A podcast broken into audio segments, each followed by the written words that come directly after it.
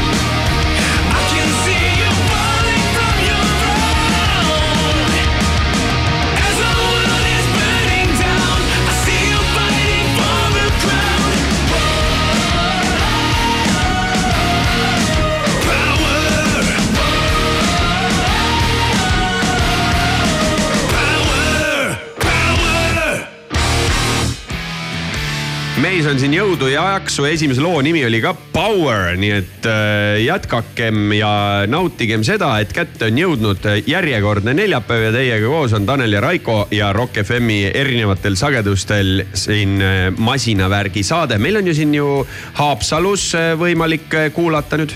ja, ja Võrus. Võru ja Põlva isegi kui täpne olla jah. Võru, Võru Põlva. nii et äh, vaadake need uued sagedused üle, et see, kellel kuida- kuskil siin nagu veits krõbiseb, ragiseb, aga tahaks midagi, siis Haapsalus täpne sagedus on üheksakümmend koma neli ja Võru-Põlva üheksakümmend kaheksa koma neli, aga endiselt Tallinnas, Tartus, Pärnus, Viljandis, Narvas oleme ka olemas ja muidugi siis veel, mis masinavärgi saadet saab me kuulata Spotify's, podcast'i äpis, Skyblayeri äpis, Rock FM-i kodulehelt ja nii edasi ja nii edasi.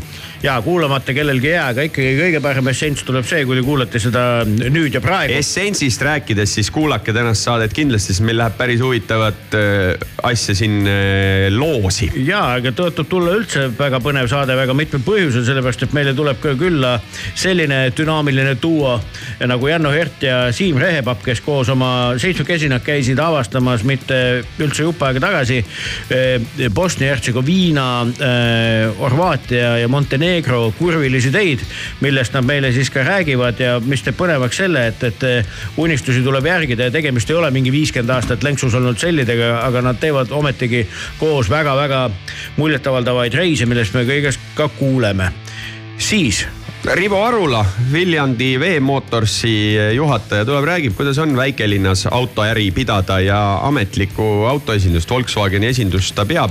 laseme ka täitsa tuttu Eesti mussi. nii et kui oled väikelinna elanik ja mõtled, mida eluga pihta hakata, hakka autosid müüma, inspiratsioonilugu on igal juhul tulemas.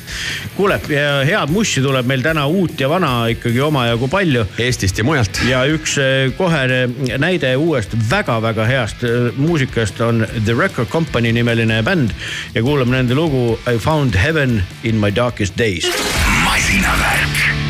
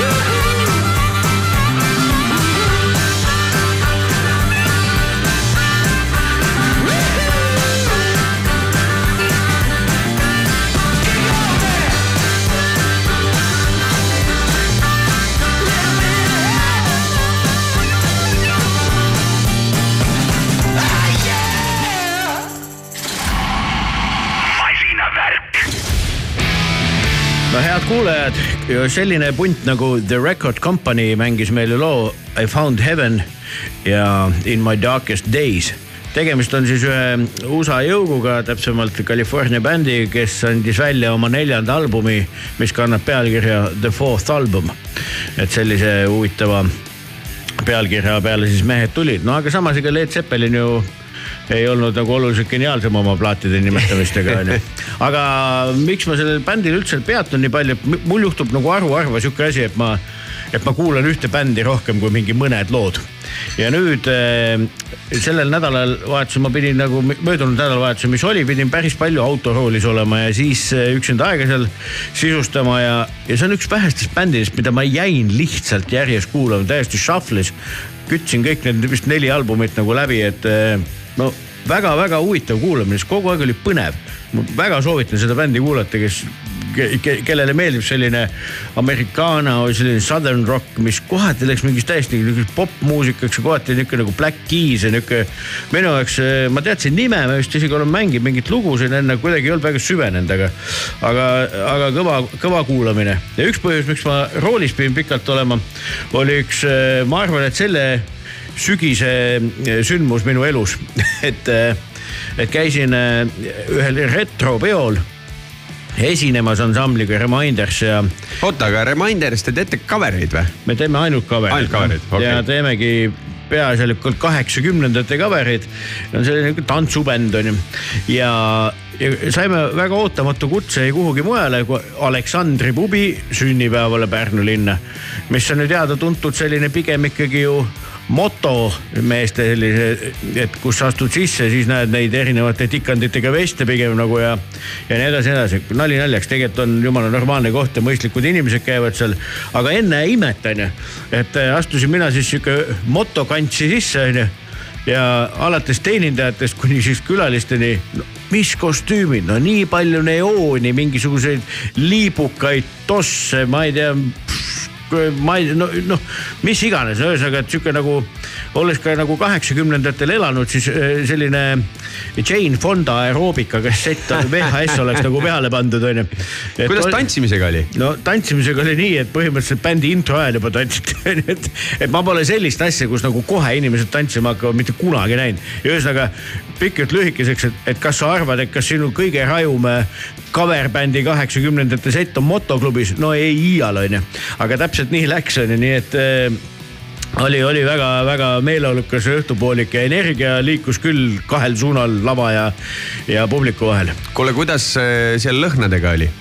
lõhnadega oli, mina ei tea, mul polnud aega nuusutada, seal oli oli selle mängimisega tegu, aga ütleme nii, et äh, küll aga kõik need riided, mis pärast seljas olid, lõhnasid küll väga mehiselt peale seda esinemist. kuidas su auto lõhnab? Auto lõhnab mul, ma arvan, tänu nendele peenfiltritele, mida mulle Inchcape'is tohutu raha eest kogu aeg müüakse, ma arvan, ülihästi tahad, ma üllatan sind, vaata, mul on siin laua peal üks väike karp Nissani ja Grand Turismo logoga. Nissani lõhna saad. nii, ma võtan siit, ma teen selle lahti, oota. nii. siin kõigepealt on üks paber kus on kallis entusiast inglise keeles kirjutatud, et Grand Turismo film jookseb kinodes ja nii edasi ja nii edasi, et see asi oleks veel erilisem. siis äh, järgmine kord, kui sa alustad sim-racing uga võta siit üks lõhnaküünal ja pane see sinna endale tuppa äh, lõhnama see on päris hea tegelikult nagu. aga selle..., aga me veel nüüd tuleme selle juurde, et ma teen need potskad kohe lahti ka, oota. oota, sa räägi edasi, ma koogin. tahtsin öelda, miks ta, miks ta hea on, et vaata tavaliselt on see, et oo mees või naine, kui sa tahad eh, teha omale unustamatu õhtu kaaslasega, siis ava see küünal ja kõikide, ma ei tea, eh, iidsete tarkuste erootiline võlu lainetab üle teie sulnite kehade ja kõik see mingi jutt. siin on konkreetne, oota, mis Nissan tegin, pani ma, purki, mis need lõhnad on? ma tegin nüüd esimese, based Nii. on the true story, Grand Turismo. Mm, -hmm. Descent of Racing. Ehk siis võidusõidulõhn ja esimene asi, mida ma sulle nuusutada annan, lõhnaküünal Racing Cockpiti äh, lõhnaga, mida see siis sulle Nii, meenutab, mul endal nina veidi kinni. mul ka oh, tummine. Eh, Racing Cockpiti lõhn Grand Turismo filmi tegijate meelest. lõhnab nagu, lõhnab nagu sihuke, kellel on. võidusõidu. vanakooli nahkjakk, jah ja. ta lõ- lõhnab nagu, ma otsisin, ma lootsin siit kerget higi leida või. no veits võib-olla on ka. nii, üks lõhnaküünal on, on, on siis võidusõidu kombeka, vot on, tead, mis ta on, selline rinka kombeka Rinka lõhnaga. kombeka, võib, võib-olla, võib-olla, ma panen või selle purgi. uued, uued tänapäevased siuksed ebakvaliteetsed nahkhind, ei, kui sa sõidad ebakvaliteetsete nahkhinnastega tsikliga ja hakkab vihma sadama, vot see on see lõhn. nii, enam täpsemini. aga teine, ma teen, selle teise purgi ka lahti nii, äh,. Race Car Fuel, oo, Race Car Fuel, kurat ongi on jah? sihuke segu neil selline natuke põlemata õli ka veel. on aga mingi magus lõhn. kuule, see ongi magus lõhn, see on kõige magusam lõhn, kui sa võidusõidu raja ääres ja, oled. ja, ja, nojah, The Scent of Racing, ahah.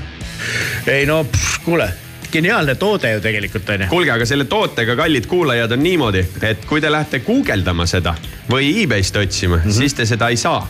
sellepärast, et neid toodeti ainult väike piiratud kogus not for sale asjad.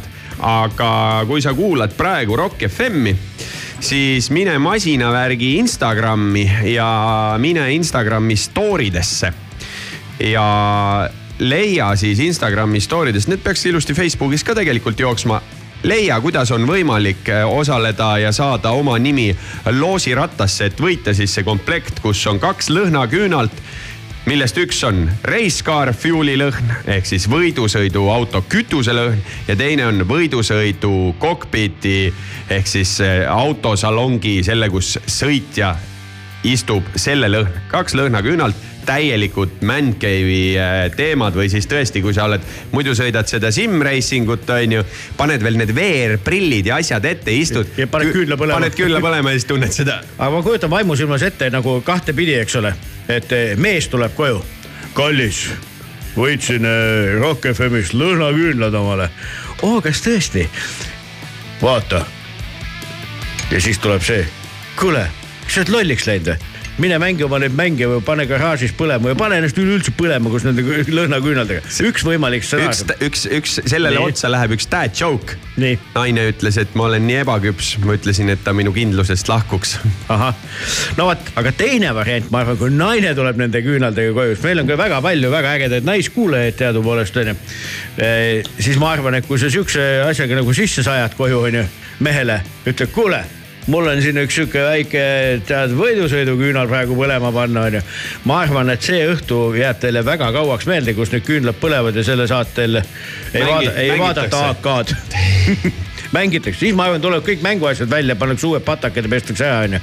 et see on nagu see õhtu, onju. nina jääb ju lahti, kui nahkpall suus on. eks räägib kogemus, aga kuule kuulame ühte lugu ja siis pärast räägime, miks Corey Taylor, väsimatu mees, on maha saanud mitte ainult uue looga, vaid ka uue albumiga, mille pealt tuleb sihuke lugu nagu We are the rest. masinavärk. Rock FM.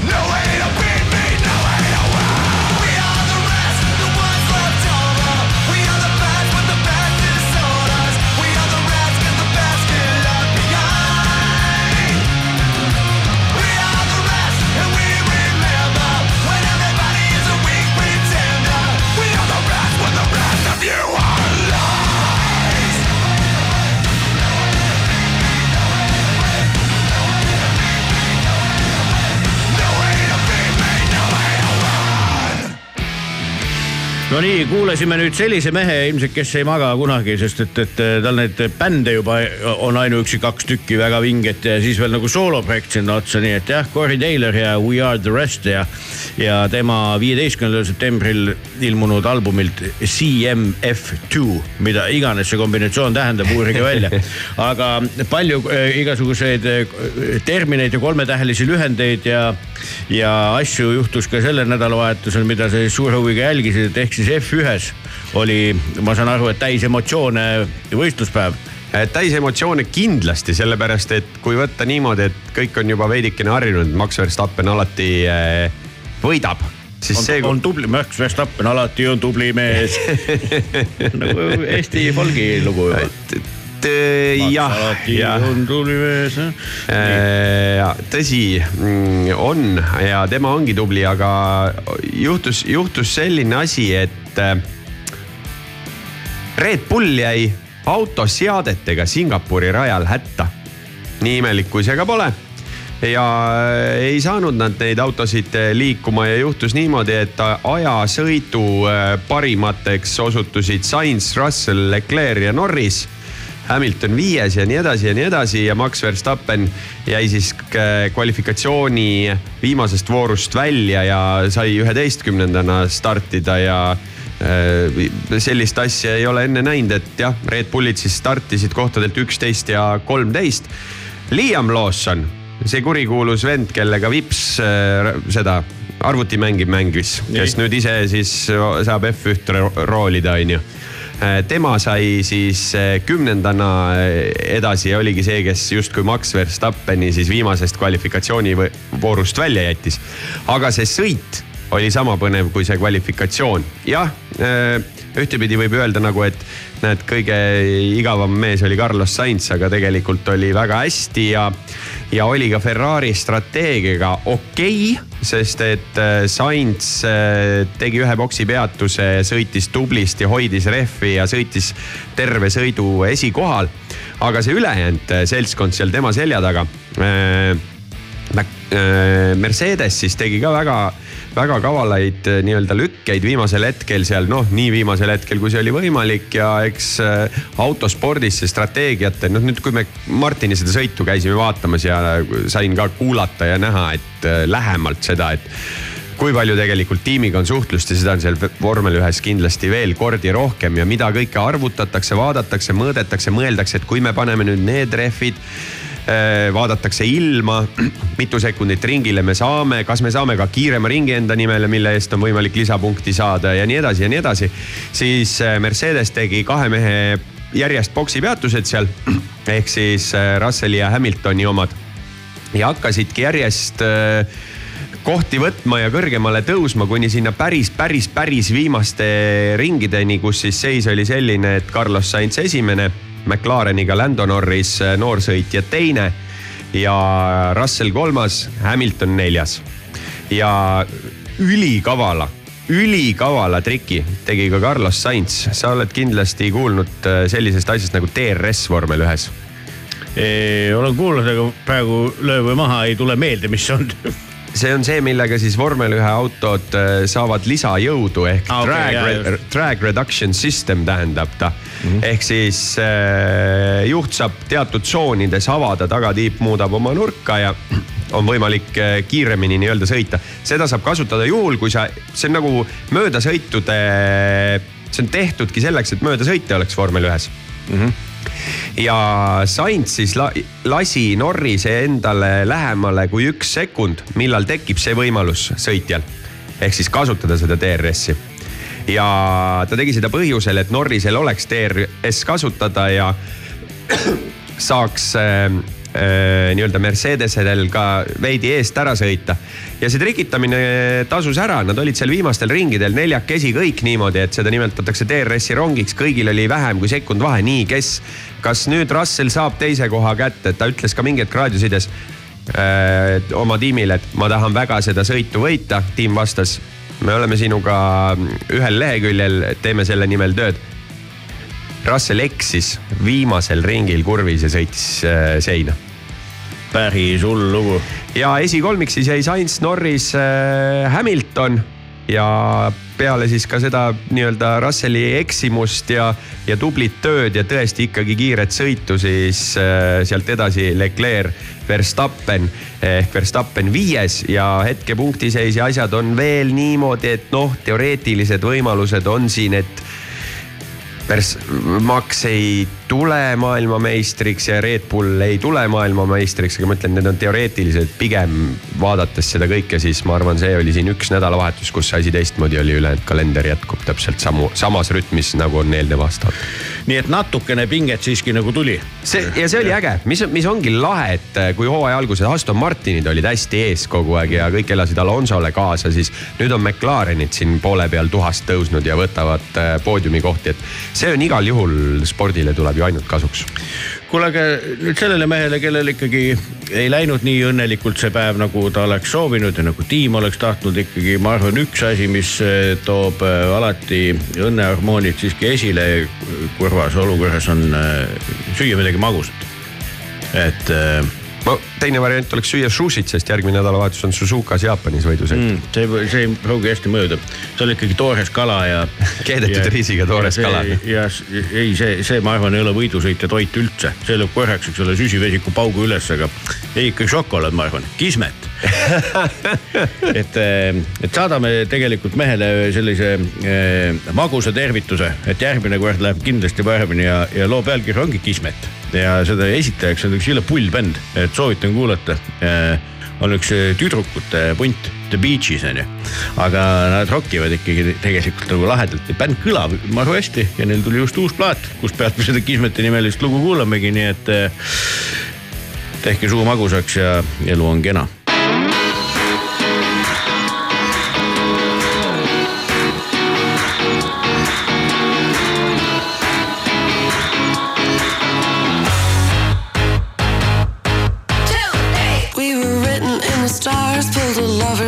card was decided by the gods, throwing out their lightning rods. Wow, we're in the same city, we're both relatively pretty, we're both single, under 50, must be kismet. So kiss me, woo, one, two, three. Let's unravel all the thread, let's see how it's gonna end. All the pieces seem to fit.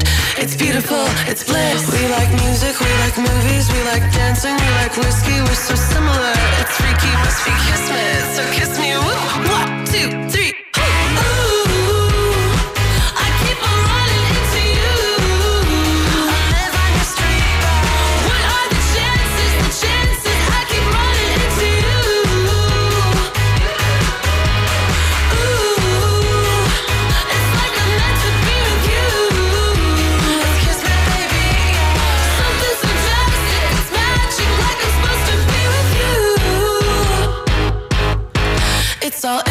cosmic plan, holding hands, it's out of our hands. Throw the dice,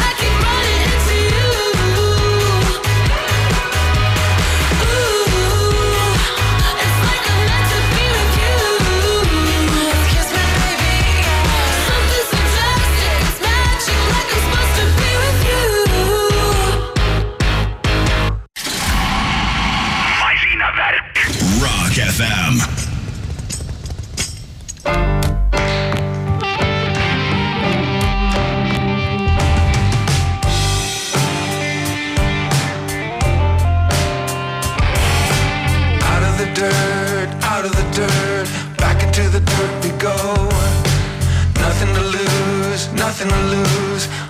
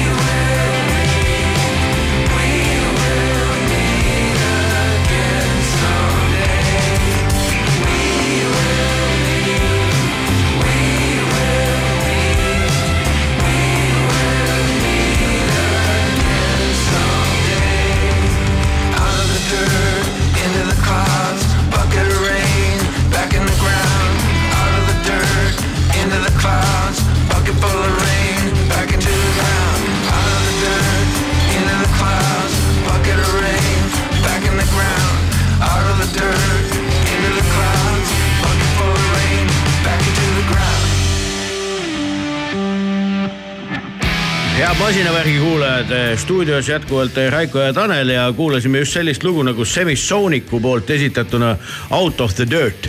ja seda põhjusega, sest oleme mudast kätte saanud ühed oma head kamraadid, kes käisid avastamas no mitte kõige levinumaid mosto, motodestinatsioone. tere tulemast, Janno Eht ja Siim Rehepapp, et kus te siis ära käisite? tere, tere. tervist.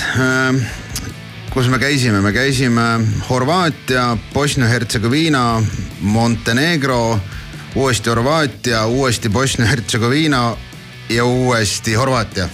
ja selle reisi sihuke nagu mõte oli, kas see oli mingisuguse konkreetse kohaga nagu seotud, mida te näha tahtsite või just tundus, et võtaks mingisuguse teatud eh, mõtte ja loogika ja unelma järgi mingi tripi sellisel kujul? tead äh, väga hea, et sa küsisid, sellepärast et äh, see lugu sai alguse, miks me üldse sinna läksime, sai alguse sellest, et äh, üle-eelmine aasta me olime Norras ja noh, ütleme siis üheksakümmend protsenti ajast me saime vihma, sihuke kaksteist, kolmteist kraadi. vihm üleval mäel oli miinus kaks, isegi sadas lund ja mõtlesime, ei, kõik, järgmine aasta läheme sooja. noh, Horvaatia kindlasti läheme sinna, võtame Bosnia, Montenegro kindlasti soe. esimene päev oli kolmkümmend ülejäänud päevad olid äh, pluss kaksteist, sadas vihma, viimane päev oli pluss kolmkümmend ja siis, kui me seal pluss kaksteist olime, olime Bosnia seal mäe, kuskil mäe otsas oli pluss kaksteist, sadas vihma ja vaatasime täpselt samal päeval oli Norras see, kus me eelmine aasta selle otsuse tegime, oli pluss kakskümmend seitse. et, et ilm sai faktoriks. aga ma ütlen, sõbrad see reis oli igat vihmapiiska väärt, see oli fantastiline. nii, ühesõnaga, aga alustame siis otsast. kui suure pundiga te käisite? mis meid oli siis kokku, seit-? seitsmekesti jah. seitsmekesti jah, me tegime siis niimoodi, et äh, lendasime siit, otselend oli meil põhimõtteliselt splitti. me ei saatnud enda rattaid sinna ette, me kasutasime ühte kohalikku äh, Horvaatia rendifirmat. meil oli siis äh, kaks BMW GSA-d, kaks GS-i, üks Husqvarna Norden. Norden ja siis Ducati. Desert X ja Multistrada just, et hea variatsioon selline, selline jah, selline nagu. eks teil tekkis see võimalus ka, et te saite omavahel rattaid vahetada ju. just, ja tekkiski ja saimegi seda teha, sest mina igapäevaelus, mul on endal ka GSA, ma sõidan pidevalt sellega, noh, loomulikult rendist ma valisin jälle endale GSA, aga, aga me vahetasime. Ja et, et saada just seda nagu, et, et kuidas äh, erinevad rattad käituvad ja nii edasi, noh loomulikult peab ütlema, tegemist on rendirattaga, et eh, noh, tuled-viled, seal ei ole neid, et, et enda, enda nagu ratas on ikkagi rohkem nagu nii-öelda lisadega kaetud, aga, aga ja vaata nagu hästi on kunagi Jeremy Clarkson on öelnud, et kõi- maailma kõige kiirem auto on rendiauto. On ju, siis, siis need rattad olid ka tegelikult suht noh, okei okay,, nad olid kakskümmend, kolmkümmend tuhat kilomeetrit sõitnud, aga nad olid rendiperioodil kakskümmend, kolmkümmend tuhat kilomeetrit sõitnud. vaatamata sellele tegelikult olid päris heas korras ja, ja võib-olla tooks selle ka välja, et tegelikult äh, ütleme, valdav osa meie pundist ehk siis seitsmest viis ei sõida igapäevaselt nagu nii-öelda tuuring või sellise seiklusrattaga.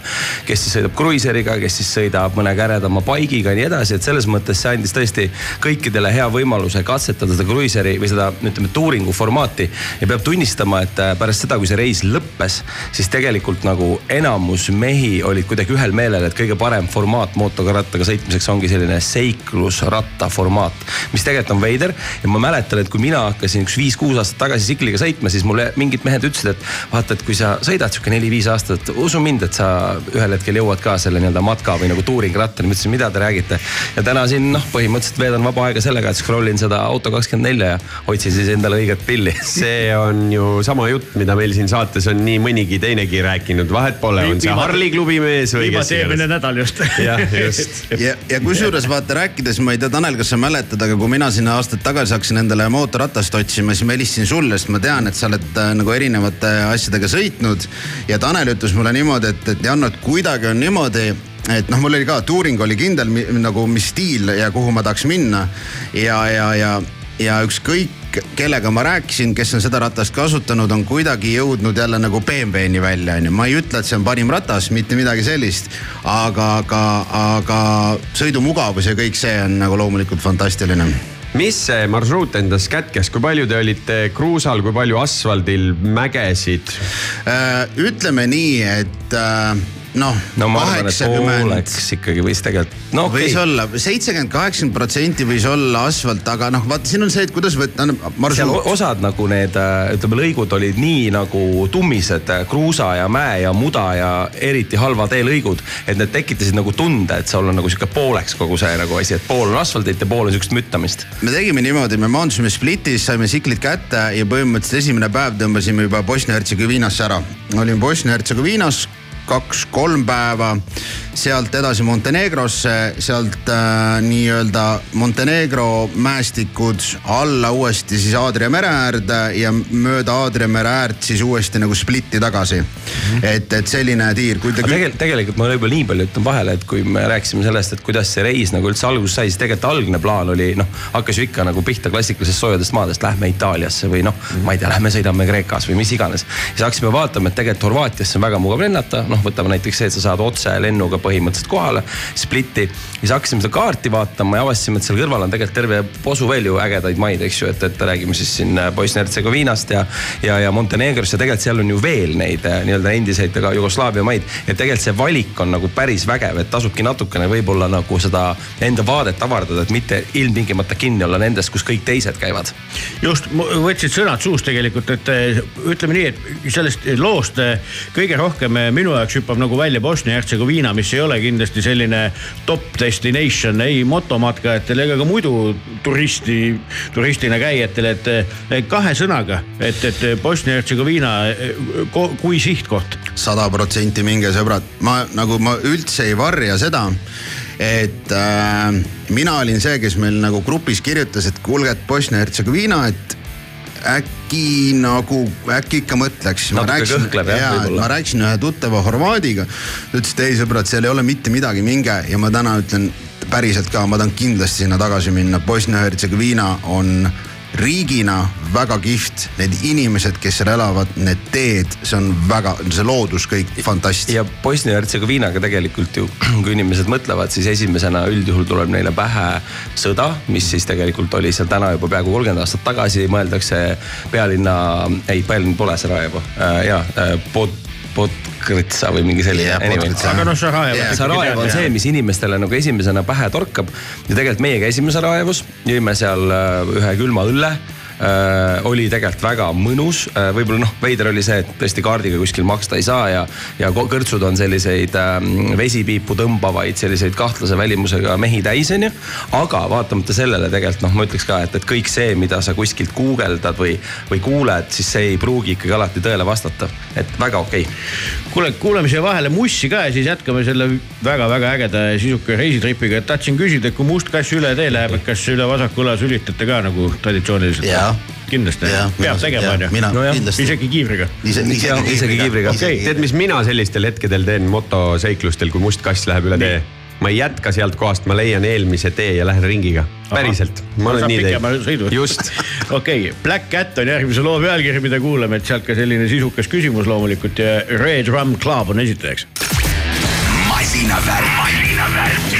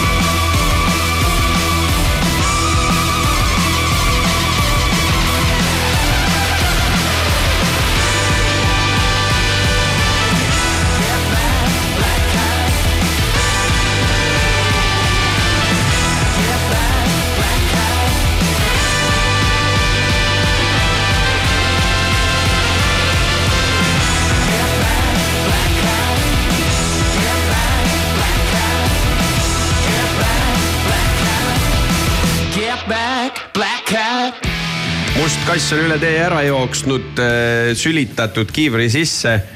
mingi hetk tuleb ju toidupause teha.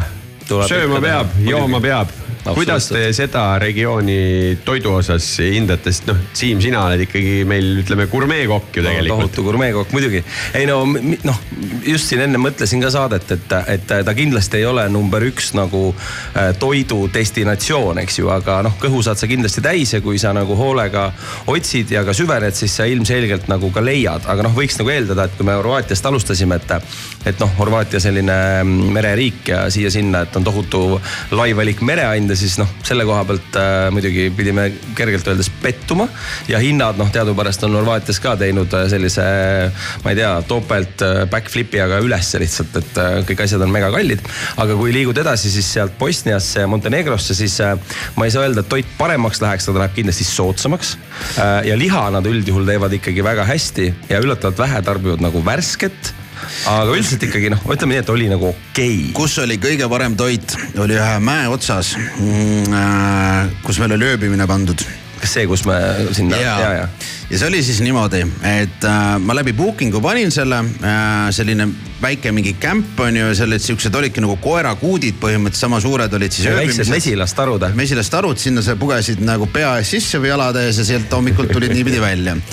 ja see oli niimoodi siis, et selle, see naisterahvas, kes seal seda pidas, helist-, saatis mulle sõnumi, et, et kuule, et näed, et kuidas te tulete, et meil see viimane seitse kilomeetrit on päris tummine, et, et jätke alla, siklid alla järve äärde, et, et noh, me tuleme teile järgi, aga noh, me mis, mis mõttes, vaadake, mis siklid meil on, muidugi me läheme ise sinna.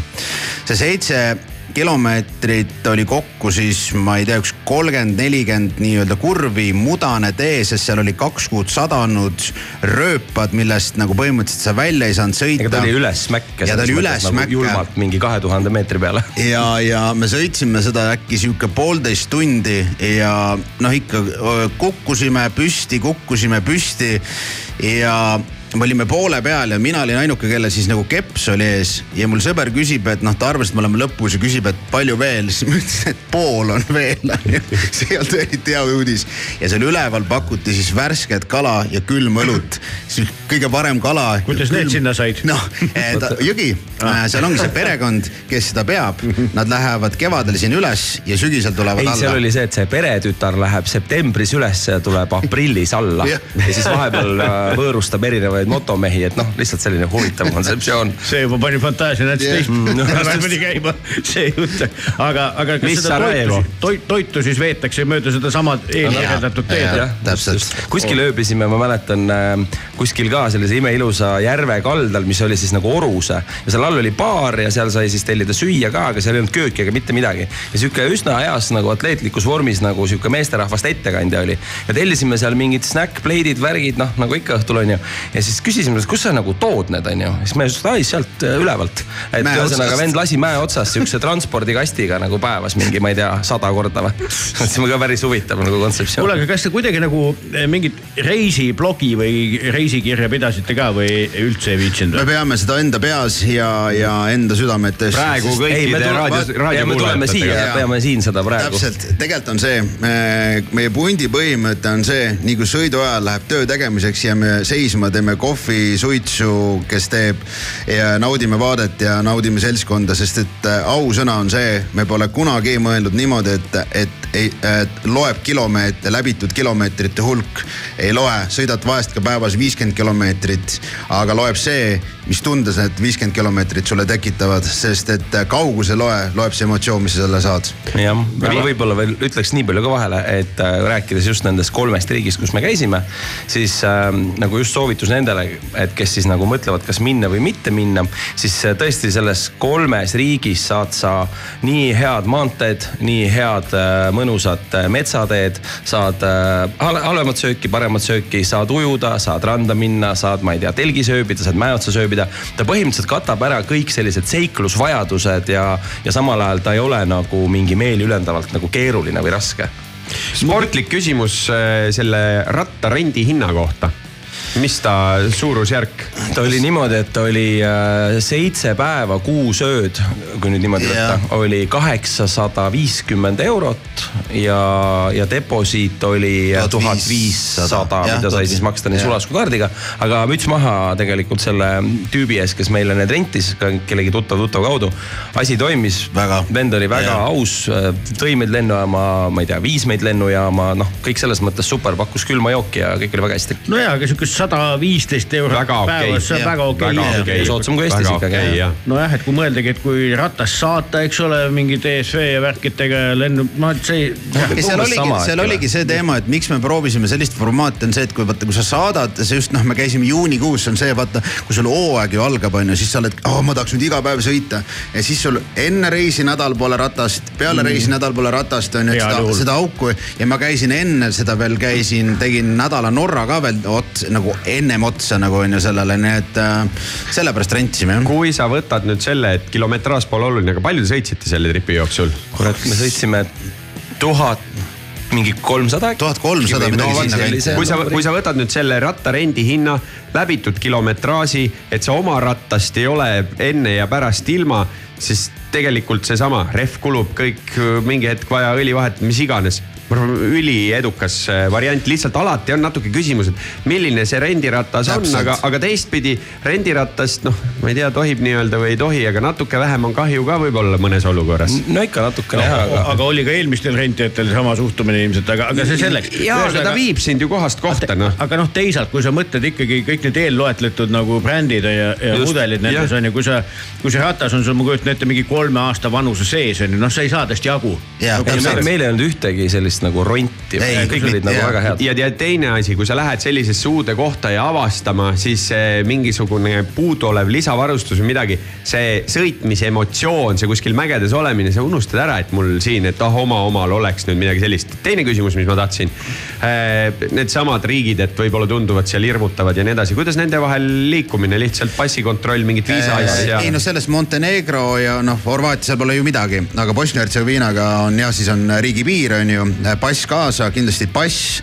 Aga riigipiiri ületus väga kiirelt, mitte mingit nagu sellest nagu mingit probleemi küll. aga ja need on huvitavad ka need ületused, ma just tuleb meelde see üks äh, koht, kus me siis läksime vist Montenegrost, ei Bosnia-Hertsegoviinast. Montenegrosse. Montenegrosse ja siis oli seal selline ületuseks oli selline ühesuunaline sihukene puidust sild, kus all oli mingi megasuur jõgi ja siis sealt noh, kõik need tulid need veokad ja jalakäijad ja mingi väike putt, hästi Jah. nagu noh, said aru, et okei okay,, siin nagu Euroopa Liitu pole. me oleme need asjad ära unustanud. täpselt, aga ühe asja ma mõtlesin veel tegelikult siia öelda just seonduvalt kogu selle reisimisega, et kui meie seda reisi planeerisime, siis me noh hullult mõtlesime edasi-tagasi, et kuidas nüüd selle oma kiivri kaasavõtmisega on. sest see on ju nagu teatavasti nagu ikkagi noh, aluspesu, et sa teise mehe oma ei pane, et ikka tahad enda oma. ja siis me seal uurisime igasugustest lennukompaniidest, ega me tegelikult nagu päris selget vastust ei saanudki. aga me võtsime need kiivrid kaasa ja mitte keegi ei öelnud meile, et ärge nendega lennukisse tule, ehk siis me võtsime tavapagasi pluss kiivri oleks võinud minu käest küsida, korduvalt just, seda no teinud. absoluutselt, aga näed, ei tulnud järgmine kord teame siis onju. aga vähemalt järgmine kord pole vaja küsida enam. see on üks, aga see on hea info just, see tegelikult on üks kõigile. asi, mis tegelikult nagu on küsimus ja isegi kui meil nagu näiteks üks asjaajaja äh, Air Balticast uuris, ta tegelikult ei saanudki lõpuni päris selget vastust, et üks nagu ütles justkui, et on okei okay,, teine ütles, et ei ole, aga ikkagi on okei okay,, et võite julgelt kaasa Ei ole, võtta. jah, võib rõhuda selle nagu käsipagasi või selle mingi. ei, ei, nad ei, nad ei Nad, nagu... nagu- mina olen läinud täiesti niimoodi, mul on see seljakott, Ja mis siis on justkui selles mõõdus, siis on veel mingi arvuti ja see kiiver, see kiiver on nagu selline nende jaoks enam. Nokamüts. jah, nagu no, jah, ja jube mugav on kiivri sisse panna tegelikult endale vajalikud asjad veel, mis sul kotti ei mahu näiteks. võid ju pähe panna, kui läbi lähed. Me oleme ka seda teinud seitsmekesi. ja mina mõtlesin ka selle peale, et ma panen siis pähe noh. okei kuule, aga kokkuvõtvalt võib öelda, et igal juhul need eelloetletud maad on kõike seda väärt, aga põhjus ka, miks me teid kutsusime, ongi nagu inspireerida teisi ka, et kes võib-olla ei ole mingisugused noh, tohutud die-hard vennad, et võtke kätte ja, ja praegu ei ole üldse vale aeg mõtlema hakata ju. absoluutselt, noh, no päriselt ka, me Die Hard, need seitsmest vennast enamus mingid kontoritöötajad, et, et, et ei ole, ei ole absoluutselt äh, sellist hardcore siklivennad, aga, aga, aga minge avastage Bosnia-Hertsegoviina need inimesed, kui sa ütled, et sa oled Balti riikidest, nad, nad reaalselt võtsidki meid oma koju, nad tegid meile oma söögid, pakkusid oma tehtud napsu ja nii edasi. Fantast äh, sihtkohad. ma ütleks lõppu selle lause, mida ütleb üks uus Eesti telesaade, et mehed, hakkame elama, ehk siis minge ja avastage kusjuures see on hea saade, sellest me räägime absoluutselt nõus. kuulge, mehed, suur-suur tänu tulemast ja siis ühiselt muideks võime ka õnne soovida tänasele ühele sünnipäevalapsele Nii.. kelleks on ei keegi muu kui Liam Gallagher. ai, ja kes eh, sai viiekümne ühe aastaseks täna ja No ja kuulame Oasise lugu nimega Better Man, keda kahtlemata mehed on tulles alati. absoluutselt, absoluutselt. aitäh aitäh teile.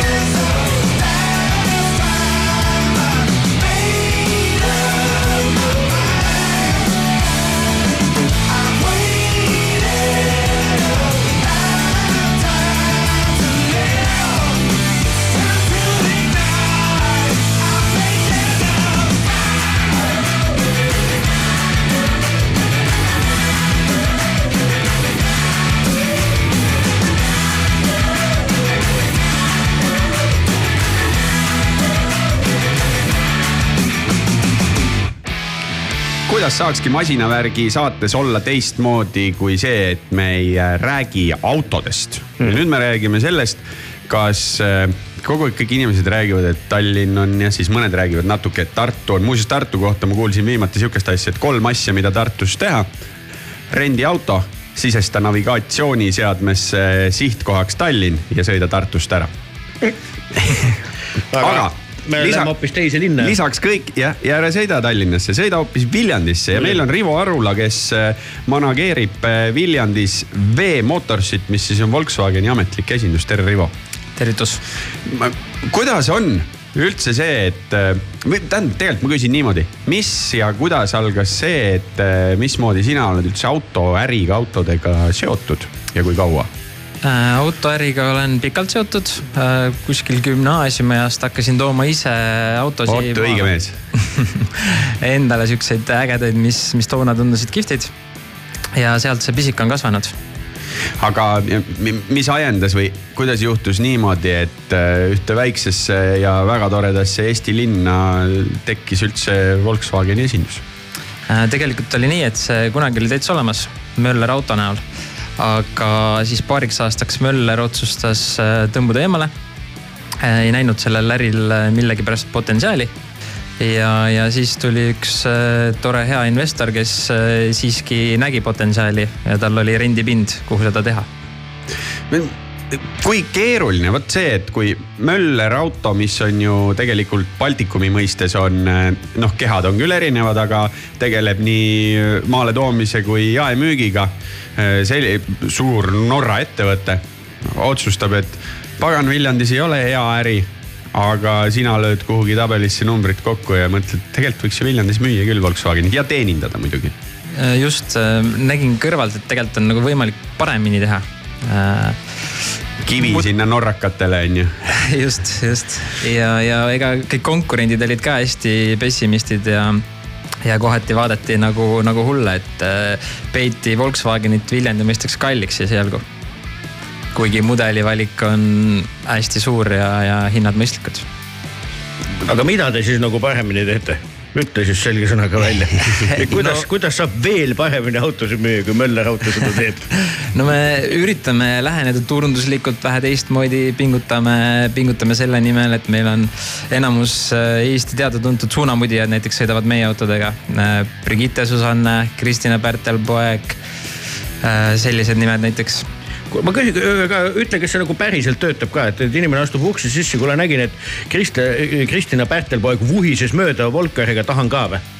Kusjuures töötab jah, päriselt, väga lahe. päriselt. mina olin alguses selles suhtes ka pessimistlik, aga nad leidsid kuidagi meid ise üles läbi, läbi sotsiaalmeedia ja, ja töötab. vot kusjuures me Raikoga rääkisime mõnda aega tagasi sellest, et eh, nüüd, eks ole, suur eh, Tartu motoshow on ju. ja Raiko juhtis tähelepanu väga õigele asjale, et, et sa ostad omale selle kalli pinna, eks ole, inimesi on ju palju, eks ole, ja sotsmeedias on null jälge et noh, et me oleme siin või meie boksis käis see või teine, teed sedasama mõne influkaga nagu pildi, et, et see on täitsa nagu nullilähedane, et ma saan aru, et selles vallas on nagu teistel päris palju õppida teilt või? no ma ei tea, kas just meilt, aga me oleme üritanud ise nagu ennast pildis hoida, kuna Volkswagenit Viljandis paar aastat ei olnud. siis me pidime kuidagi nagu teatavaks tegema, et oleme tagasi ja nii-öelda suurema, suuremalt kui varem. kuule, maapiirkonna mõistes äh, ja seesama, et Volkswagen on äh, kallis, me siin ka arutasime, et äh, mingisugune arvamus, et maal inimesed sõidavad vanade autodega ja neil ei ole raha, aga tegelikult see ei ole nii ju. ei ole jah, tegelikult kui võtad Volkswageni nii-öelda kogukulu kokku, oletame siis viieaastase perioodi peale, siis tegelikult äh, äh, on vaata et sama või soodsam kui Škoda.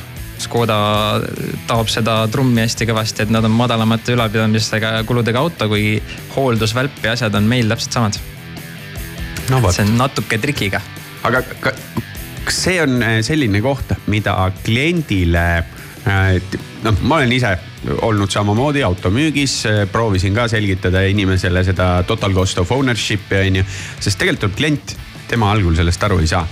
Ja tema ei mõista, tema vaatab hinda või vaatab kuumakset, ta ei mõtle selle peale, et äh, rehvid, hooldus, noh kütusekulu nagu justkui on nagu ainukene asi, aga kõik muu sinna juurde ja kuni siis selleni välja, et äh, palju ühes või teises esinduses töötunni hind maksab Se, selle, selle selgitamine, kas see on nagu kliendile raske või võtavad inimesed seda rohkem vastu ja kas klient täna ka jälgib seda rohkem?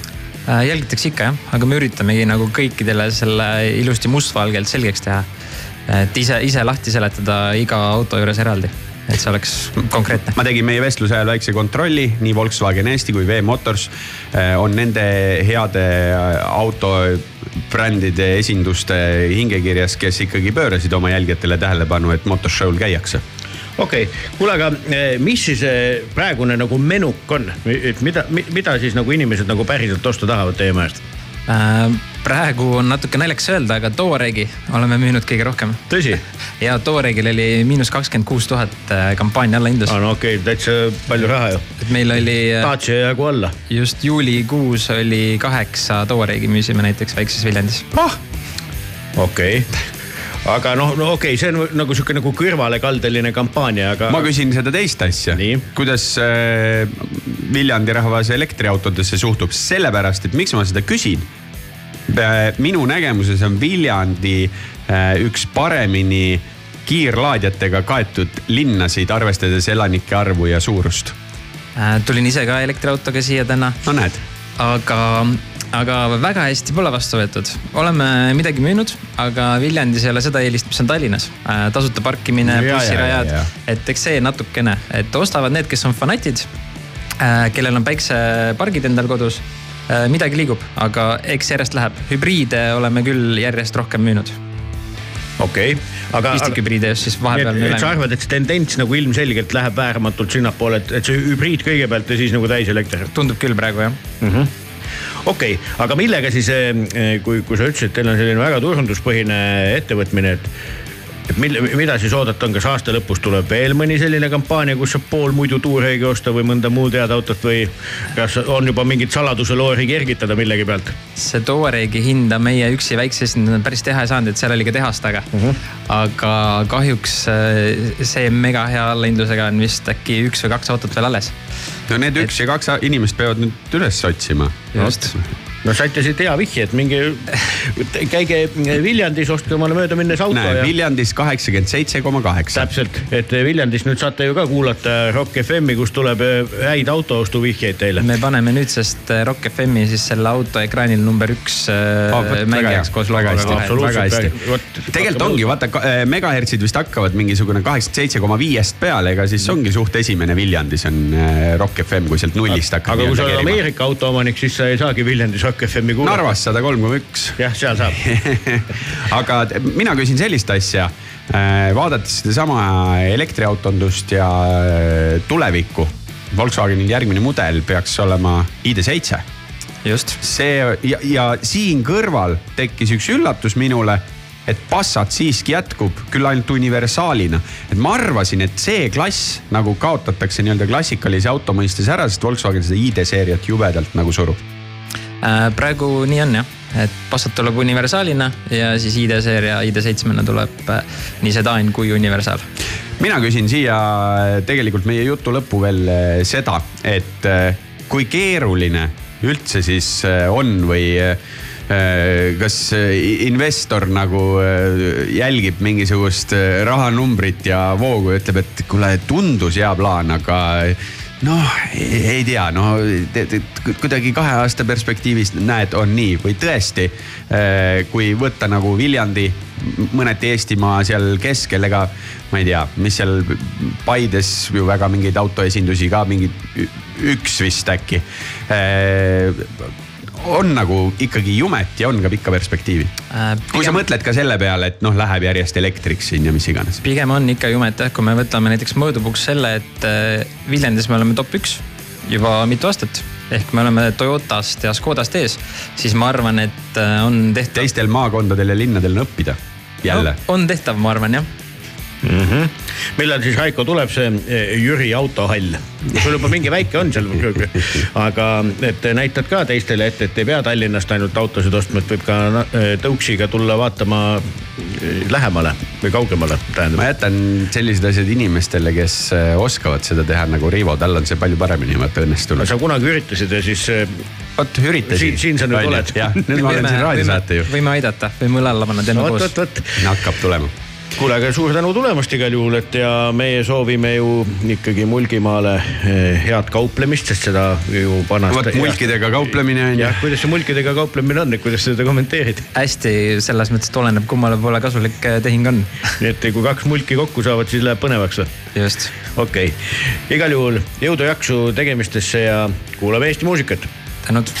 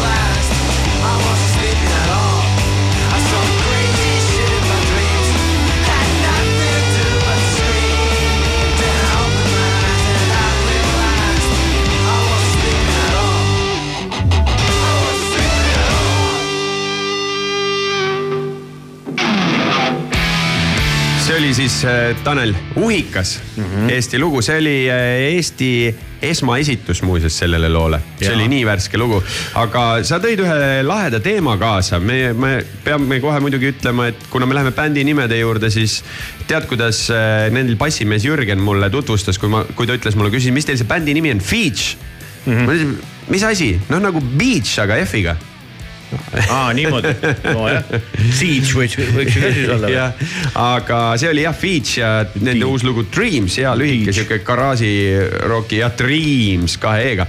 aga, kui siit nagu edasi minna, et kuule, aga mis, milline oleks maailm täna, kui Black Sabbath oleks jätnud selle nime, mis, mis neil alguses oli? mis neil üldse oli alguses? Earth. ahah, nojah, võttis, noh, võttis sõnatuks, sest ma ka paari seda lugu tean. Black Sabbathilt. Black Sabbathilt ja seda bändide just, sest et näiteks ansambel The Beatles oli ju Quarrymen Jah., karjäärimehed mm. -hmm. aga millega sa üllatad meid sellest nimekirjast? ei noh, mina ei tea, eks ma üllatan, ma arvan, et need, kes on ikka tõsine muusikasõber, teab neid fakte kindlasti rohkem kui, kui see, need mõned nopped, aga näiteks Pearl Jam on ju.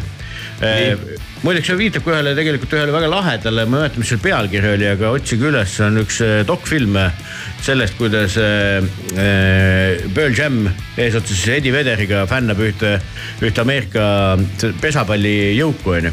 ja neil oli ka tegelikult esimene nimi oli hoopis mitte pesapalli, aga NBA-ga nagu seotuna oli, oli sihuke nimi nagu Mookie Blaylock oli, siis selle bändi nimi, no Pearl Jam oli Mookie Blaylock, mis oli, aga see kuidagi siis võeti neilt äh, võeti neilt siis tegelikult ära see nimi on ju, või noh, nad ise nagu õigemini otsustasid on ju, et, et see, et see oli kuidagi teistpidi nagu käigus ja, ja, ja, ja, ja, ja läinud ta nagu oligi. aga näiteks, kas sa tead, kuidas Linkin Park ennast alguses nimetas? ei tea. ahah, nad olid kaks korda nime aetud, esimene nimi oli Xero või Hero või kuidas seda iganes jah, et kui, kas võtta see la, Ladina-Ameerika päraselt. just, et siis oli sihuke nimi, aga siis ilmselt selle Heroga nagu võib-olla ei läinud nii hästi, siis oli Hybrid Theory. jah, see on neil ju ühe plaadi nimi. ja aga siis, aga noh, sa vaatasid neid Hybrid nimelisi bände nagu oli ka juba oma, omajagu. aga näiteks hiljuti või noh, mis hiljuti, praegu siin kõva ringi tuuritav bänd eh, Blink One Eighty Two oli alguses lihtsalt Blink. siis vaadati ka, et nagu, et, et äkki sellenimelisi geniaalsusi on ju veel, onju. aga nüüd üks huvitav lugu, mis nagu näitab seda, et, et nojah, okei okay,, ta on sihuke natuke eelinterneti aegne asi ka, aga siiski, et, et selline bänd nagu Queen, Queens of the Stone Age on ju, kandis alguses nimi Gamma Ray just seda ma teadsin. aga Gamma Ray oli sel ajal Saksamaal juba päris kuulus bänd, kui need, kui USA mehed selle peale tulid, siis Gamma Ray teadupoolest on siis noh, pooldumine on vale sõna, aga nagu Halloweeni eh, kitarristi eh, eh, Kai Hanseni bänd Saksamaal, eks ole. okei okay., Led Zeppelini lugu on ilmselt umbes sama kuulus kui Beatlesite oma, ma arvan. Ma arvan küll, aga äh, ja nii, tule selle juurde, sest ma tahan kohe järgmisena ansambel Kissi võtta ette. ja Led Zeppelin oli siis sihuke bänd nagu New Yardbirds just, vihjena siis nagu Yardbirdsile, kus siis mängis näiteks ei keegi muu kui äh, Jimmy Page on ju, et, et, et siukse, siukse asjaga nad siis nagu. aga, aga tulen selle Gene Simmonsi juurde, et äh, me kõik teame ansamblit Kiss, me teame neid näomaalinguid ja nii edasi, aga see oli Wicked Lester. Wicked Lester. Wicked Lester ja muuseas äh, Bon Jovi, mis siis äh, bändi nimi viitab ju ilmselgelt ainult mehe, ninamehe nimele, peaaegu jah. just on ju. Bongi, oota, mis ta nimi oli, Bongi Jovi. Aga mis see eesnimi oli? John Bon, kuidas iganes, jääme võlgu, aga selle meestel endal oli niimoodi, et nad selle nime all, ma ei tea, kas nad üldse tegutseda jõudsid, aga neil oli endal paberi peal valmis ja nemad lähevad äh, töösse sellise bändi nimega nagu Johnny Electric. noh vot, jumal tänatud, et nagu otsast kinni said, aga et eh, Van Halen kandis ka päris huvitavat nime alguses. tead, ma isegi seda tean, aga aita mul meelde tuletada, sest ma olen mingeid asju olen vaadanud, see oli ka mingi jabur nimi. Ta ei ole isegi jabur nimi, kui natuke hakkad nagu loogika, loogika jaa, lähenema, sellepärast et, et kõige noorem Van Halen, no kindlasti neid on veel nooremaid, aga ühesõnaga Eddie poeg eh, Wolfgang teeb samanimelist bändi praegu kusjuures. selle bändi nimi on Mammut. kuhu ta siis on oma initsiaalid veel nagu juurde pannud, eks ole, et siis Wolfgang Van Halen, aga, aga Mammut oli nagu esimene vend, vendade Eddie ja Alexi bändi, ei vabandust, Mammut oli teine, sest esimene. Rat Salad, ei, kas ei olnud veel? Genesis, Genesis oli enne. aa, aga nad on ol, olnud ka, Van Halen on ka Rat Saladi nime all kunagi veel äh, tegutsenud mingi osa siis Halenitest. et siu, sihuke lugu, aga nihukest natuke, ma ei tea, soft imat või midagi, aga Maroon Five, ma ei tea, Cara's Flowers. no ka sihuke, jah, ongi soft jah, väga, Maroon Five ka mingi eriline black metal'i bändi nimi ei ole. aga jaa, Radiohead oli Friday alguses näiteks ei olekski ju paha nimi. jaa, aga ilmselt neid Friday liitelisi nimesid on nagu, nagu kõriauguni, et eh, eks neid on kindlasti veel, alati võite meile kõigasuguseid lahedaid asju nagu saata, eks ole, kus on siis mi- mingeid, eh, ägedaid fakte. lõppu tuleb üks eh, sihuke äge bänd, mis tegutseb õnneks siiamaani ja mille nimi on Stone Temple Pilots, nii, mis hakkas sihukese nime nagu Mighty Joe Young, Young, millest iganes ka polnud siis eh, eh, inspireeritud, aga siis nad ikkagi, kuna sellenimeline bänd tegelikult oli olemas ja läks mingisuguseks kõvemaks eh, legaalseks sõjaks onju, siis ikkagi eh, noh, mingi bluusi bänd oli samanimeline ja siis nende see jurist ikkagi ütles, et kuulge, et mõlema nagu siis bändi esindajad ütlesid, et kuulge, et mõelge midagi muud välja ja siis Ma- nad panidki äh, Stone Temple Pilots ja, ja tuli ja see STP oli tegelikult, mis neil kõigepealt tuli ja tead millest või? ei. STP tuli sellest õlibrändist. aa, no seda ma, ma tahtsin pakkuda, sest võidusõiduautodel ikkagi on see logo peal alati see ovaalne. Aga, aga ma panen siia natukene nii-öelda rokivälist teemat ka, et äh, kuna selles samas listis siin eksisteeris ka mida kõike, siis äh, legendaarne boybänd Boys to Men, Unique Attraction nojah, mõle, mõlemad on toredad nimed, aga ja selle STP-ga me praegu tegelikult eh, lõpetamegi noh, hea sihuke masinavärgi teema, et on ikkagi selline õli õlinimeline ansambel olemas, et, et ja nende sihuke lugu, mida ilmselt ei ole väga palju mängitud, aga jah, et mis kannab pealkirja Good Shoes.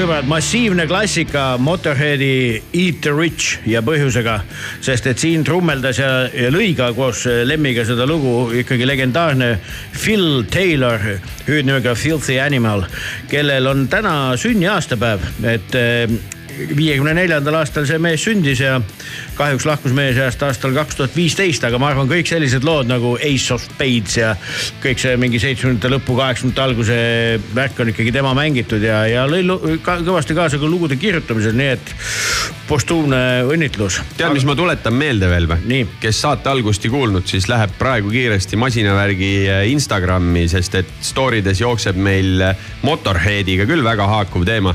me loosime välja lõhnaküünlad, millest üks lõhnab nagu Racing Car Cockpit ja teine Racing Car Fuel, et äh, Gran Turismo filmi ja Nissani koostöös on sihukene kink ja karp meieni jõudnud, aga tead, kui sa räägid siin sünnipäevadest, siis ma võtaksin kaks bändi ette, kellel on ka sihuke juubelihõng juures. Claire's Birthday, äh, neil on siis kakskümmend aastat hiljem kaks kontserti Tartu, Tartu homme, Tallinn laupäeval. siin, kui hommikuprogrammi on kuulatud, siis on võimalik pileteid ol, olla, olla sinna võita. sest et kontserdid on väga populaarsed ja tead, mis on eh, selle kõige juures eh, põnev, et kui me võtame selle Claire's Birthday eh, pundi ja tausta ja nende seotuse ühe sellise, noh üldse Raplamaaga on nad seotud tegelikult ju, on ju siis Kohila ja selle kõige tausta, siis kui nüüd Claire's Birthday'st liigume veel kolmkümmend aastat tagasi ja ansambli juurde. kakskümmend viis, olgem täpsed. üheksakümmend kaheksa oli Claire's Birthday väidetavalt. ei, neil, neil on äh, juubelikontserdi nimi on kakskümmend aastat hiljem. jah, ja kui me läheme nüüd siis viiskümmend aastat tagasi, siis äh, ansambel Ornament, ka nemad on Kohilas proovi teinud kunagi siis, mis seal Kraps ja Grünberg ja no väidetavalt, ei, me peame seal, see on nii väärikas koosseis, et me peame selle ikkagi ette lugema. ühesõnaga Ornament äh, viiskümmend ja Claire's Birthday kakskümmend aastat hiljem. täiesti kaks eraldi asja to toimumas, ärge nüüd neid arvake, et kuskil ühel laval näete. ja, ja et, et eh, seda eh, ornamendi asja veab seal ka basskitarri mängiv Jaanus Raudkats, tervitused sulle. et ja seal tänases nii-öelda ornamendi tribuudis või, või, või kummardusansamblis mängib lisaks Jaanus Raudkatsile, keda me teame Music Safe'ist ja Singer Vingerist ja Columbus Chrisist. tänasel päeval ka tema Columbus Chrisi kaaslane Andres Oja, keda me siis teame ka Vitamiinist ja veel mingist sajast olulisest bändist. Aavo Ulvik, kes on ka Music Safe'is mäng, mänginud ja Singer Fingeris ja Compromise Blues. ja laulja on keegi muu kui eh, Rait Sohkin alias Soku, kes on teada-tuntud mees Revalsi ridadest ja kidramehena nüüd Andres Põldsoo asemel, kes on ka mõned korrad peale bändi ammuilma tegutsemast lakkamist mänginud, on Elmar Liitmaa Phoenixist ja Terminaatorist ja Blackist, nii et sellised tegelased mängivad siis omal ajal Gunnar Rapsi poolt ja, ja Sven Grünbergi poolt loodud lugusid ja. rahatuvi loodaks ikka kuulda. Ma arvan. mul rohkem ei tule meelde lihtsalt, vabandust. ja no peamegi ennast kurssi viima, järgmine kord mängime ja, ja siis kakskümmend kaks Keila kultuurikeskus ja kakskümmend kolm Rapla kultuurikeskus, sellised huvitavad paigad siis on otsitud eh, vanamuusikasõpradele, kui nii võib öelda. ja see ei ole ju ainult äh, nii-öelda ornament viiskümmend, see on ikkagi tõsine retropidu, sellepärast et videodiskot tehakse seal ka. Ja kordame üle need Birthday kohad ja ajad ka, et siis kakskümmend kaks ehk siis eh, reedepäev jah. Homme. on ja homme on Atlantise maja Tartus ja kahekümne kolmandal D3 klubis eh, Tallinnas Balti jaama kandis et, et, et siis saab kuulata, no ma ei tea, need on nii noored mehed, et, et ma ei usu, et nad viimast korda mängivad, aga ma ei, mine tea. aga see Kohila seotus oli lahe, mis siin salata, olen isegi seal eh, Tohisoo mõisas käinud proovis sihukese ansambliga nagu Nice Try ja aasta võis olla siis ma arvan üheksakümmend üks, kaks. seal on ka bussipeatus ka kõrval. me käisime rongiga. sinna on natuke kõndida, paar kilti. arvestades, et kidra oli ka ju kaasas et käe otsas kõlkumas, nii et aga isu oli suur teha ja proovikaid ju Tallinnas ikkagi vabariigi esimestel aastatel ikkagi oli vähe. no mis proovikas see seal siis oligi, sellesama Tohisoo mõisahoone kuskil keldris või? mõisahoone oli tol ajal üldse kuidagi mingi selle minu meelest seotud sellega, kus sinu sõbrad teevad džinni praegu mm, -hmm. mis oli see Linda vabrik onju, siis see Tohisoo mõis oli, pagana, kas ta oli selle Linda kuidagi seotud, oli seal mingisugune pagana mingi tolle aja kohta mingi, kas mingi koolimaja või? ühesõnaga proovikas oli seal igal juhul seal olemas, kus olid enne meid, pärast meid igasugused. Noh, nagu me siit oleme kuulnud, just, kuule, küsin järgi järgmine kord, ütle, mis seal siis täpselt toimus, sest ma praegu teen nende samade tüüpidega koostööd eelnimetatud Remindersi nimelist bändi, kes on, kusjuures üks elab siiamaani seal Kohila jõe ääres, nii et tervitused nii kellelegi muule kui Ivo Vanemale siinkohal. kuule, aga kuulame siia niukest. Dirty Honey. Dirty Honey, sest et lahe nimi on lool, uus lugu, huvikas. Can't find the brakes, et siit ta tuleb. masinavärk.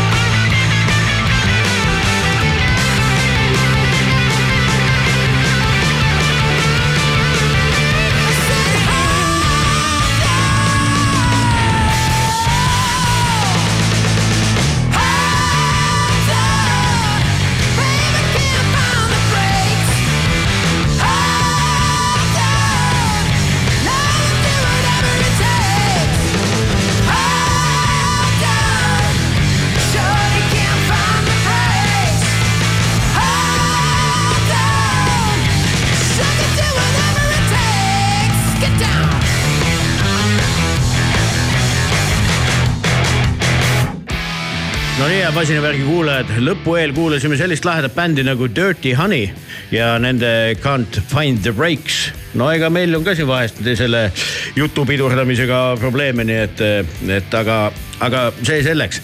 kindlasti ei ole probleeme eh, pidurdamise ja, ja voolavuse ja kreatiivsusega järgmisel kahel päeval sest Unibet Arenal leiab aset eh, esmakordselt selline sündmus, mis kannab pealkirja Positon ja Positon on ellu kutsutud ennekõike selleks, et eh, Eesti Vabariigis tuleks eh, ikkagi maailma tasemel eh, tarku inimesi. mitte lödipükse. mitte lödipükse jah, et kogu sündmus on keskendunud eh, elektri, energeetika ja inseneeria nii-öelda propageerimisele kõige paremas mõttes.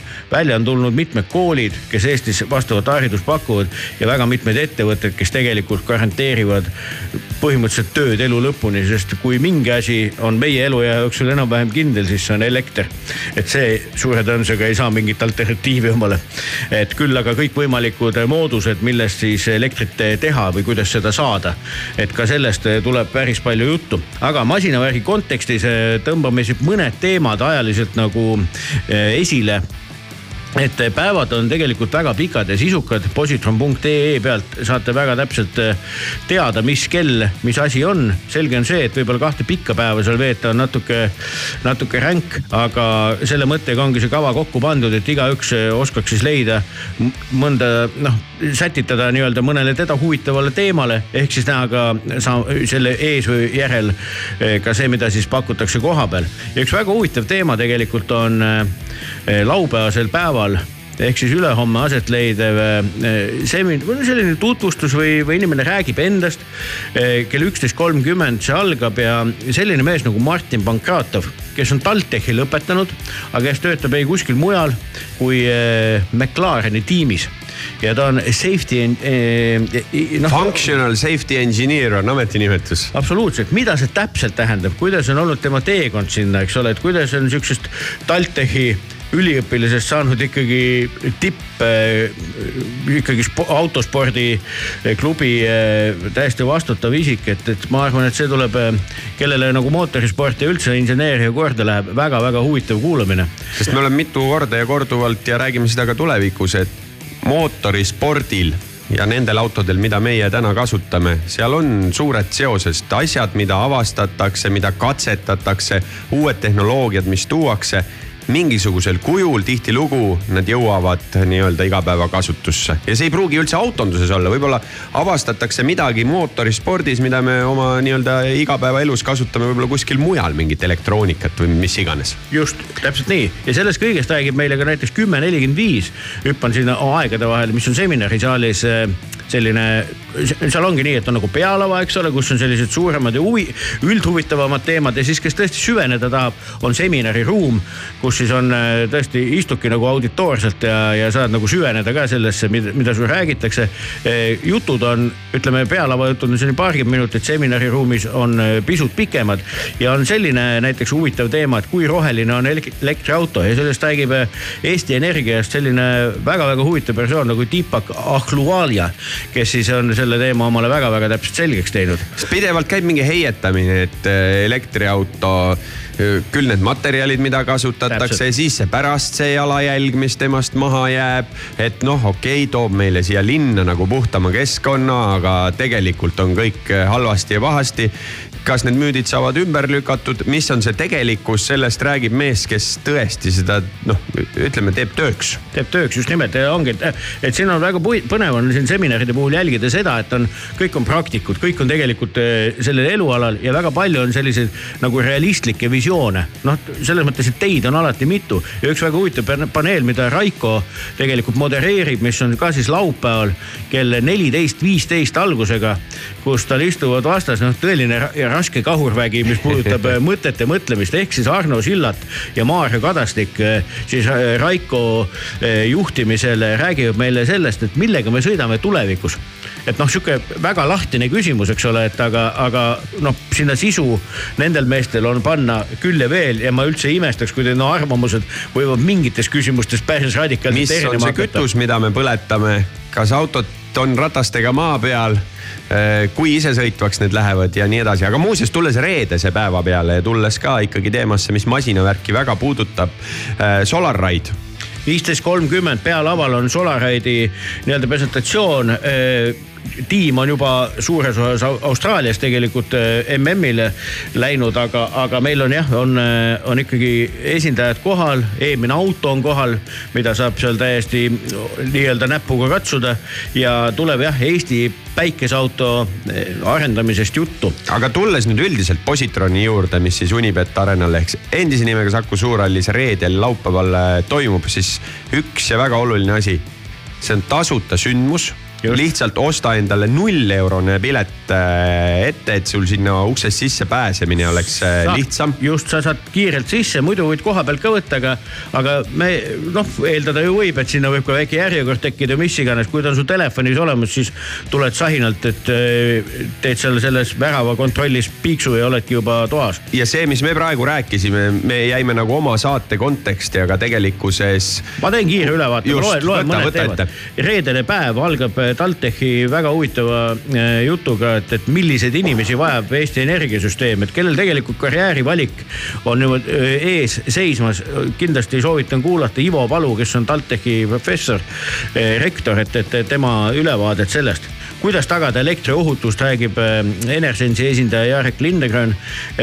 siis on vahepeal päevas mitu-mitu korda, ka selle järgi ma arvan, tasuks seda tulekut sättida. on Energia Avastuskeskuse Aare Baumeri elektrietendus, mis on täiesti fenomenaalne show ja on ka Kvark Teadusteatri esi, esinemised mõlemal päeval. eelnimetatud Solaraid, kust tuleb meie elekter päikese ja tuuleenergiast, räägib, räägivad Innar Kaasik ja Raido Hallik siis kust ja tuumaenergia on veel ka täiesti eraldi paneelina välja toodud. jah, miks Eestis ei ole tuumajaama? kas Aga... see saab siia tulema suure... või kuhu, kuhu kanti siis? just nimelt või vastupidi, et sul on võib-olla sinu eramoes on ka ühel heal päeval maal mingisugune väike potšik, eks ole, mis sul seda energiat nagu teeb, et neid mõtteid on tegelikult ju mõlgutatakse igapäevaselt ja palju. ja kuidas elektrimaterjalid tehasest ehitusele saavad, tundub kuidagi noh, maailma kõige elementaarsem asi, aga sellest on see asi ikka väga kaugel ja räägib meile Veeg Eesti juhatuse liige eh, Nele Valklenau sellest kõigest. siis on kindlasti üks väga huvitav ala, eh, kus on seljad kokku pannud Eesti juhtivad võrguehitajad ehk siis, mis liigutavad elektrit suurte vahemaade tagant, kus saab ise inimene kogeda, kuidas on siis posti otsas ühendada seda elektrit, kuidas üldse kaableid kokku panna ja nii edasi nii edasi, väga praktiline suurele territooriumile asuv äh, töötuba, nii et see on kindlasti põnev mitte ainult, ma arvan, kõige noorematele tulijatele, vaid ka täiesti suurtele inimestele. kuule, ma panen Tanel sulle ühe küsimuse. mis on elekter? mis on elekter või? laetud osakeste liikumine. suunatud liikumine. suunatud liikumine jah, et äh, ja siis äh, laupäeval jah, on siis eelnimetatud äh, McLareni jutt äh, Raiko poolt veetud, ma arvan, tuliseks kiskuv. aga näiteks ka selline väga-väga põnev teema energeetika tulevik linnaruumis, kus Markus Hääl räägib sellest, et tegelikult kus, kuidas meil üldse juhtuma hakkavad ja, ja loomulikult ka sellised suured teemad, et miks on elektri hind nii kallis, sest noh, iga asi on ju põhjusega, on ju. nii et et siin on aga, põne, põnevat kuulamist tõesti palju. jätsid välja ju selle, et tegelikult mõlemal päeval lõpus oh, reedel Liis Lemsalu ja laupäeval Villem Trillem ja lisaks veel öö, proovitakse ja me loodame, et see tuleb ära, sest et külastajaid on oodata palju. Kahooti Eesti rekordit. ja, ja noh, võite isegi umbes arvata, mis, mis valdkonnast eh, küsimused tulevad. muideks olin hiljuti ühel siuksel nagu tutvustaval sündmusel, puutusin kokku selle eh, teemaga ja paluti teha veksellüliti nagu õigesti mm -hmm, ühendada mm -hmm. laua peale onju noh, öeldi, et piinlik ei pea olema, ma ütlesin muidugi, et ei ole, et eh, kui ma selle tänase päeva jooksul ära teen, et siis, eh, siis ei ole piinlik, onju. Noh, võt-, tegelikult ikka võttis kukalt krätsima, no lõpuks sai nagu tehtud, onju, aga noh, mõtled küll, et kurat, see kõik, mis koolis sai õpitud, on küll kuhugi, ma ei tea, ununenud, onju. aga jah, ja siis, eh, ja siis olid nagu alainimesed seal koos ja siis üks energia valdkonnas töötav naisterahvas, tal kulus, ma tahaks öelda, et vist seitseteist sekundit selle peale, mis mul võttis umbes kaks mintsi või.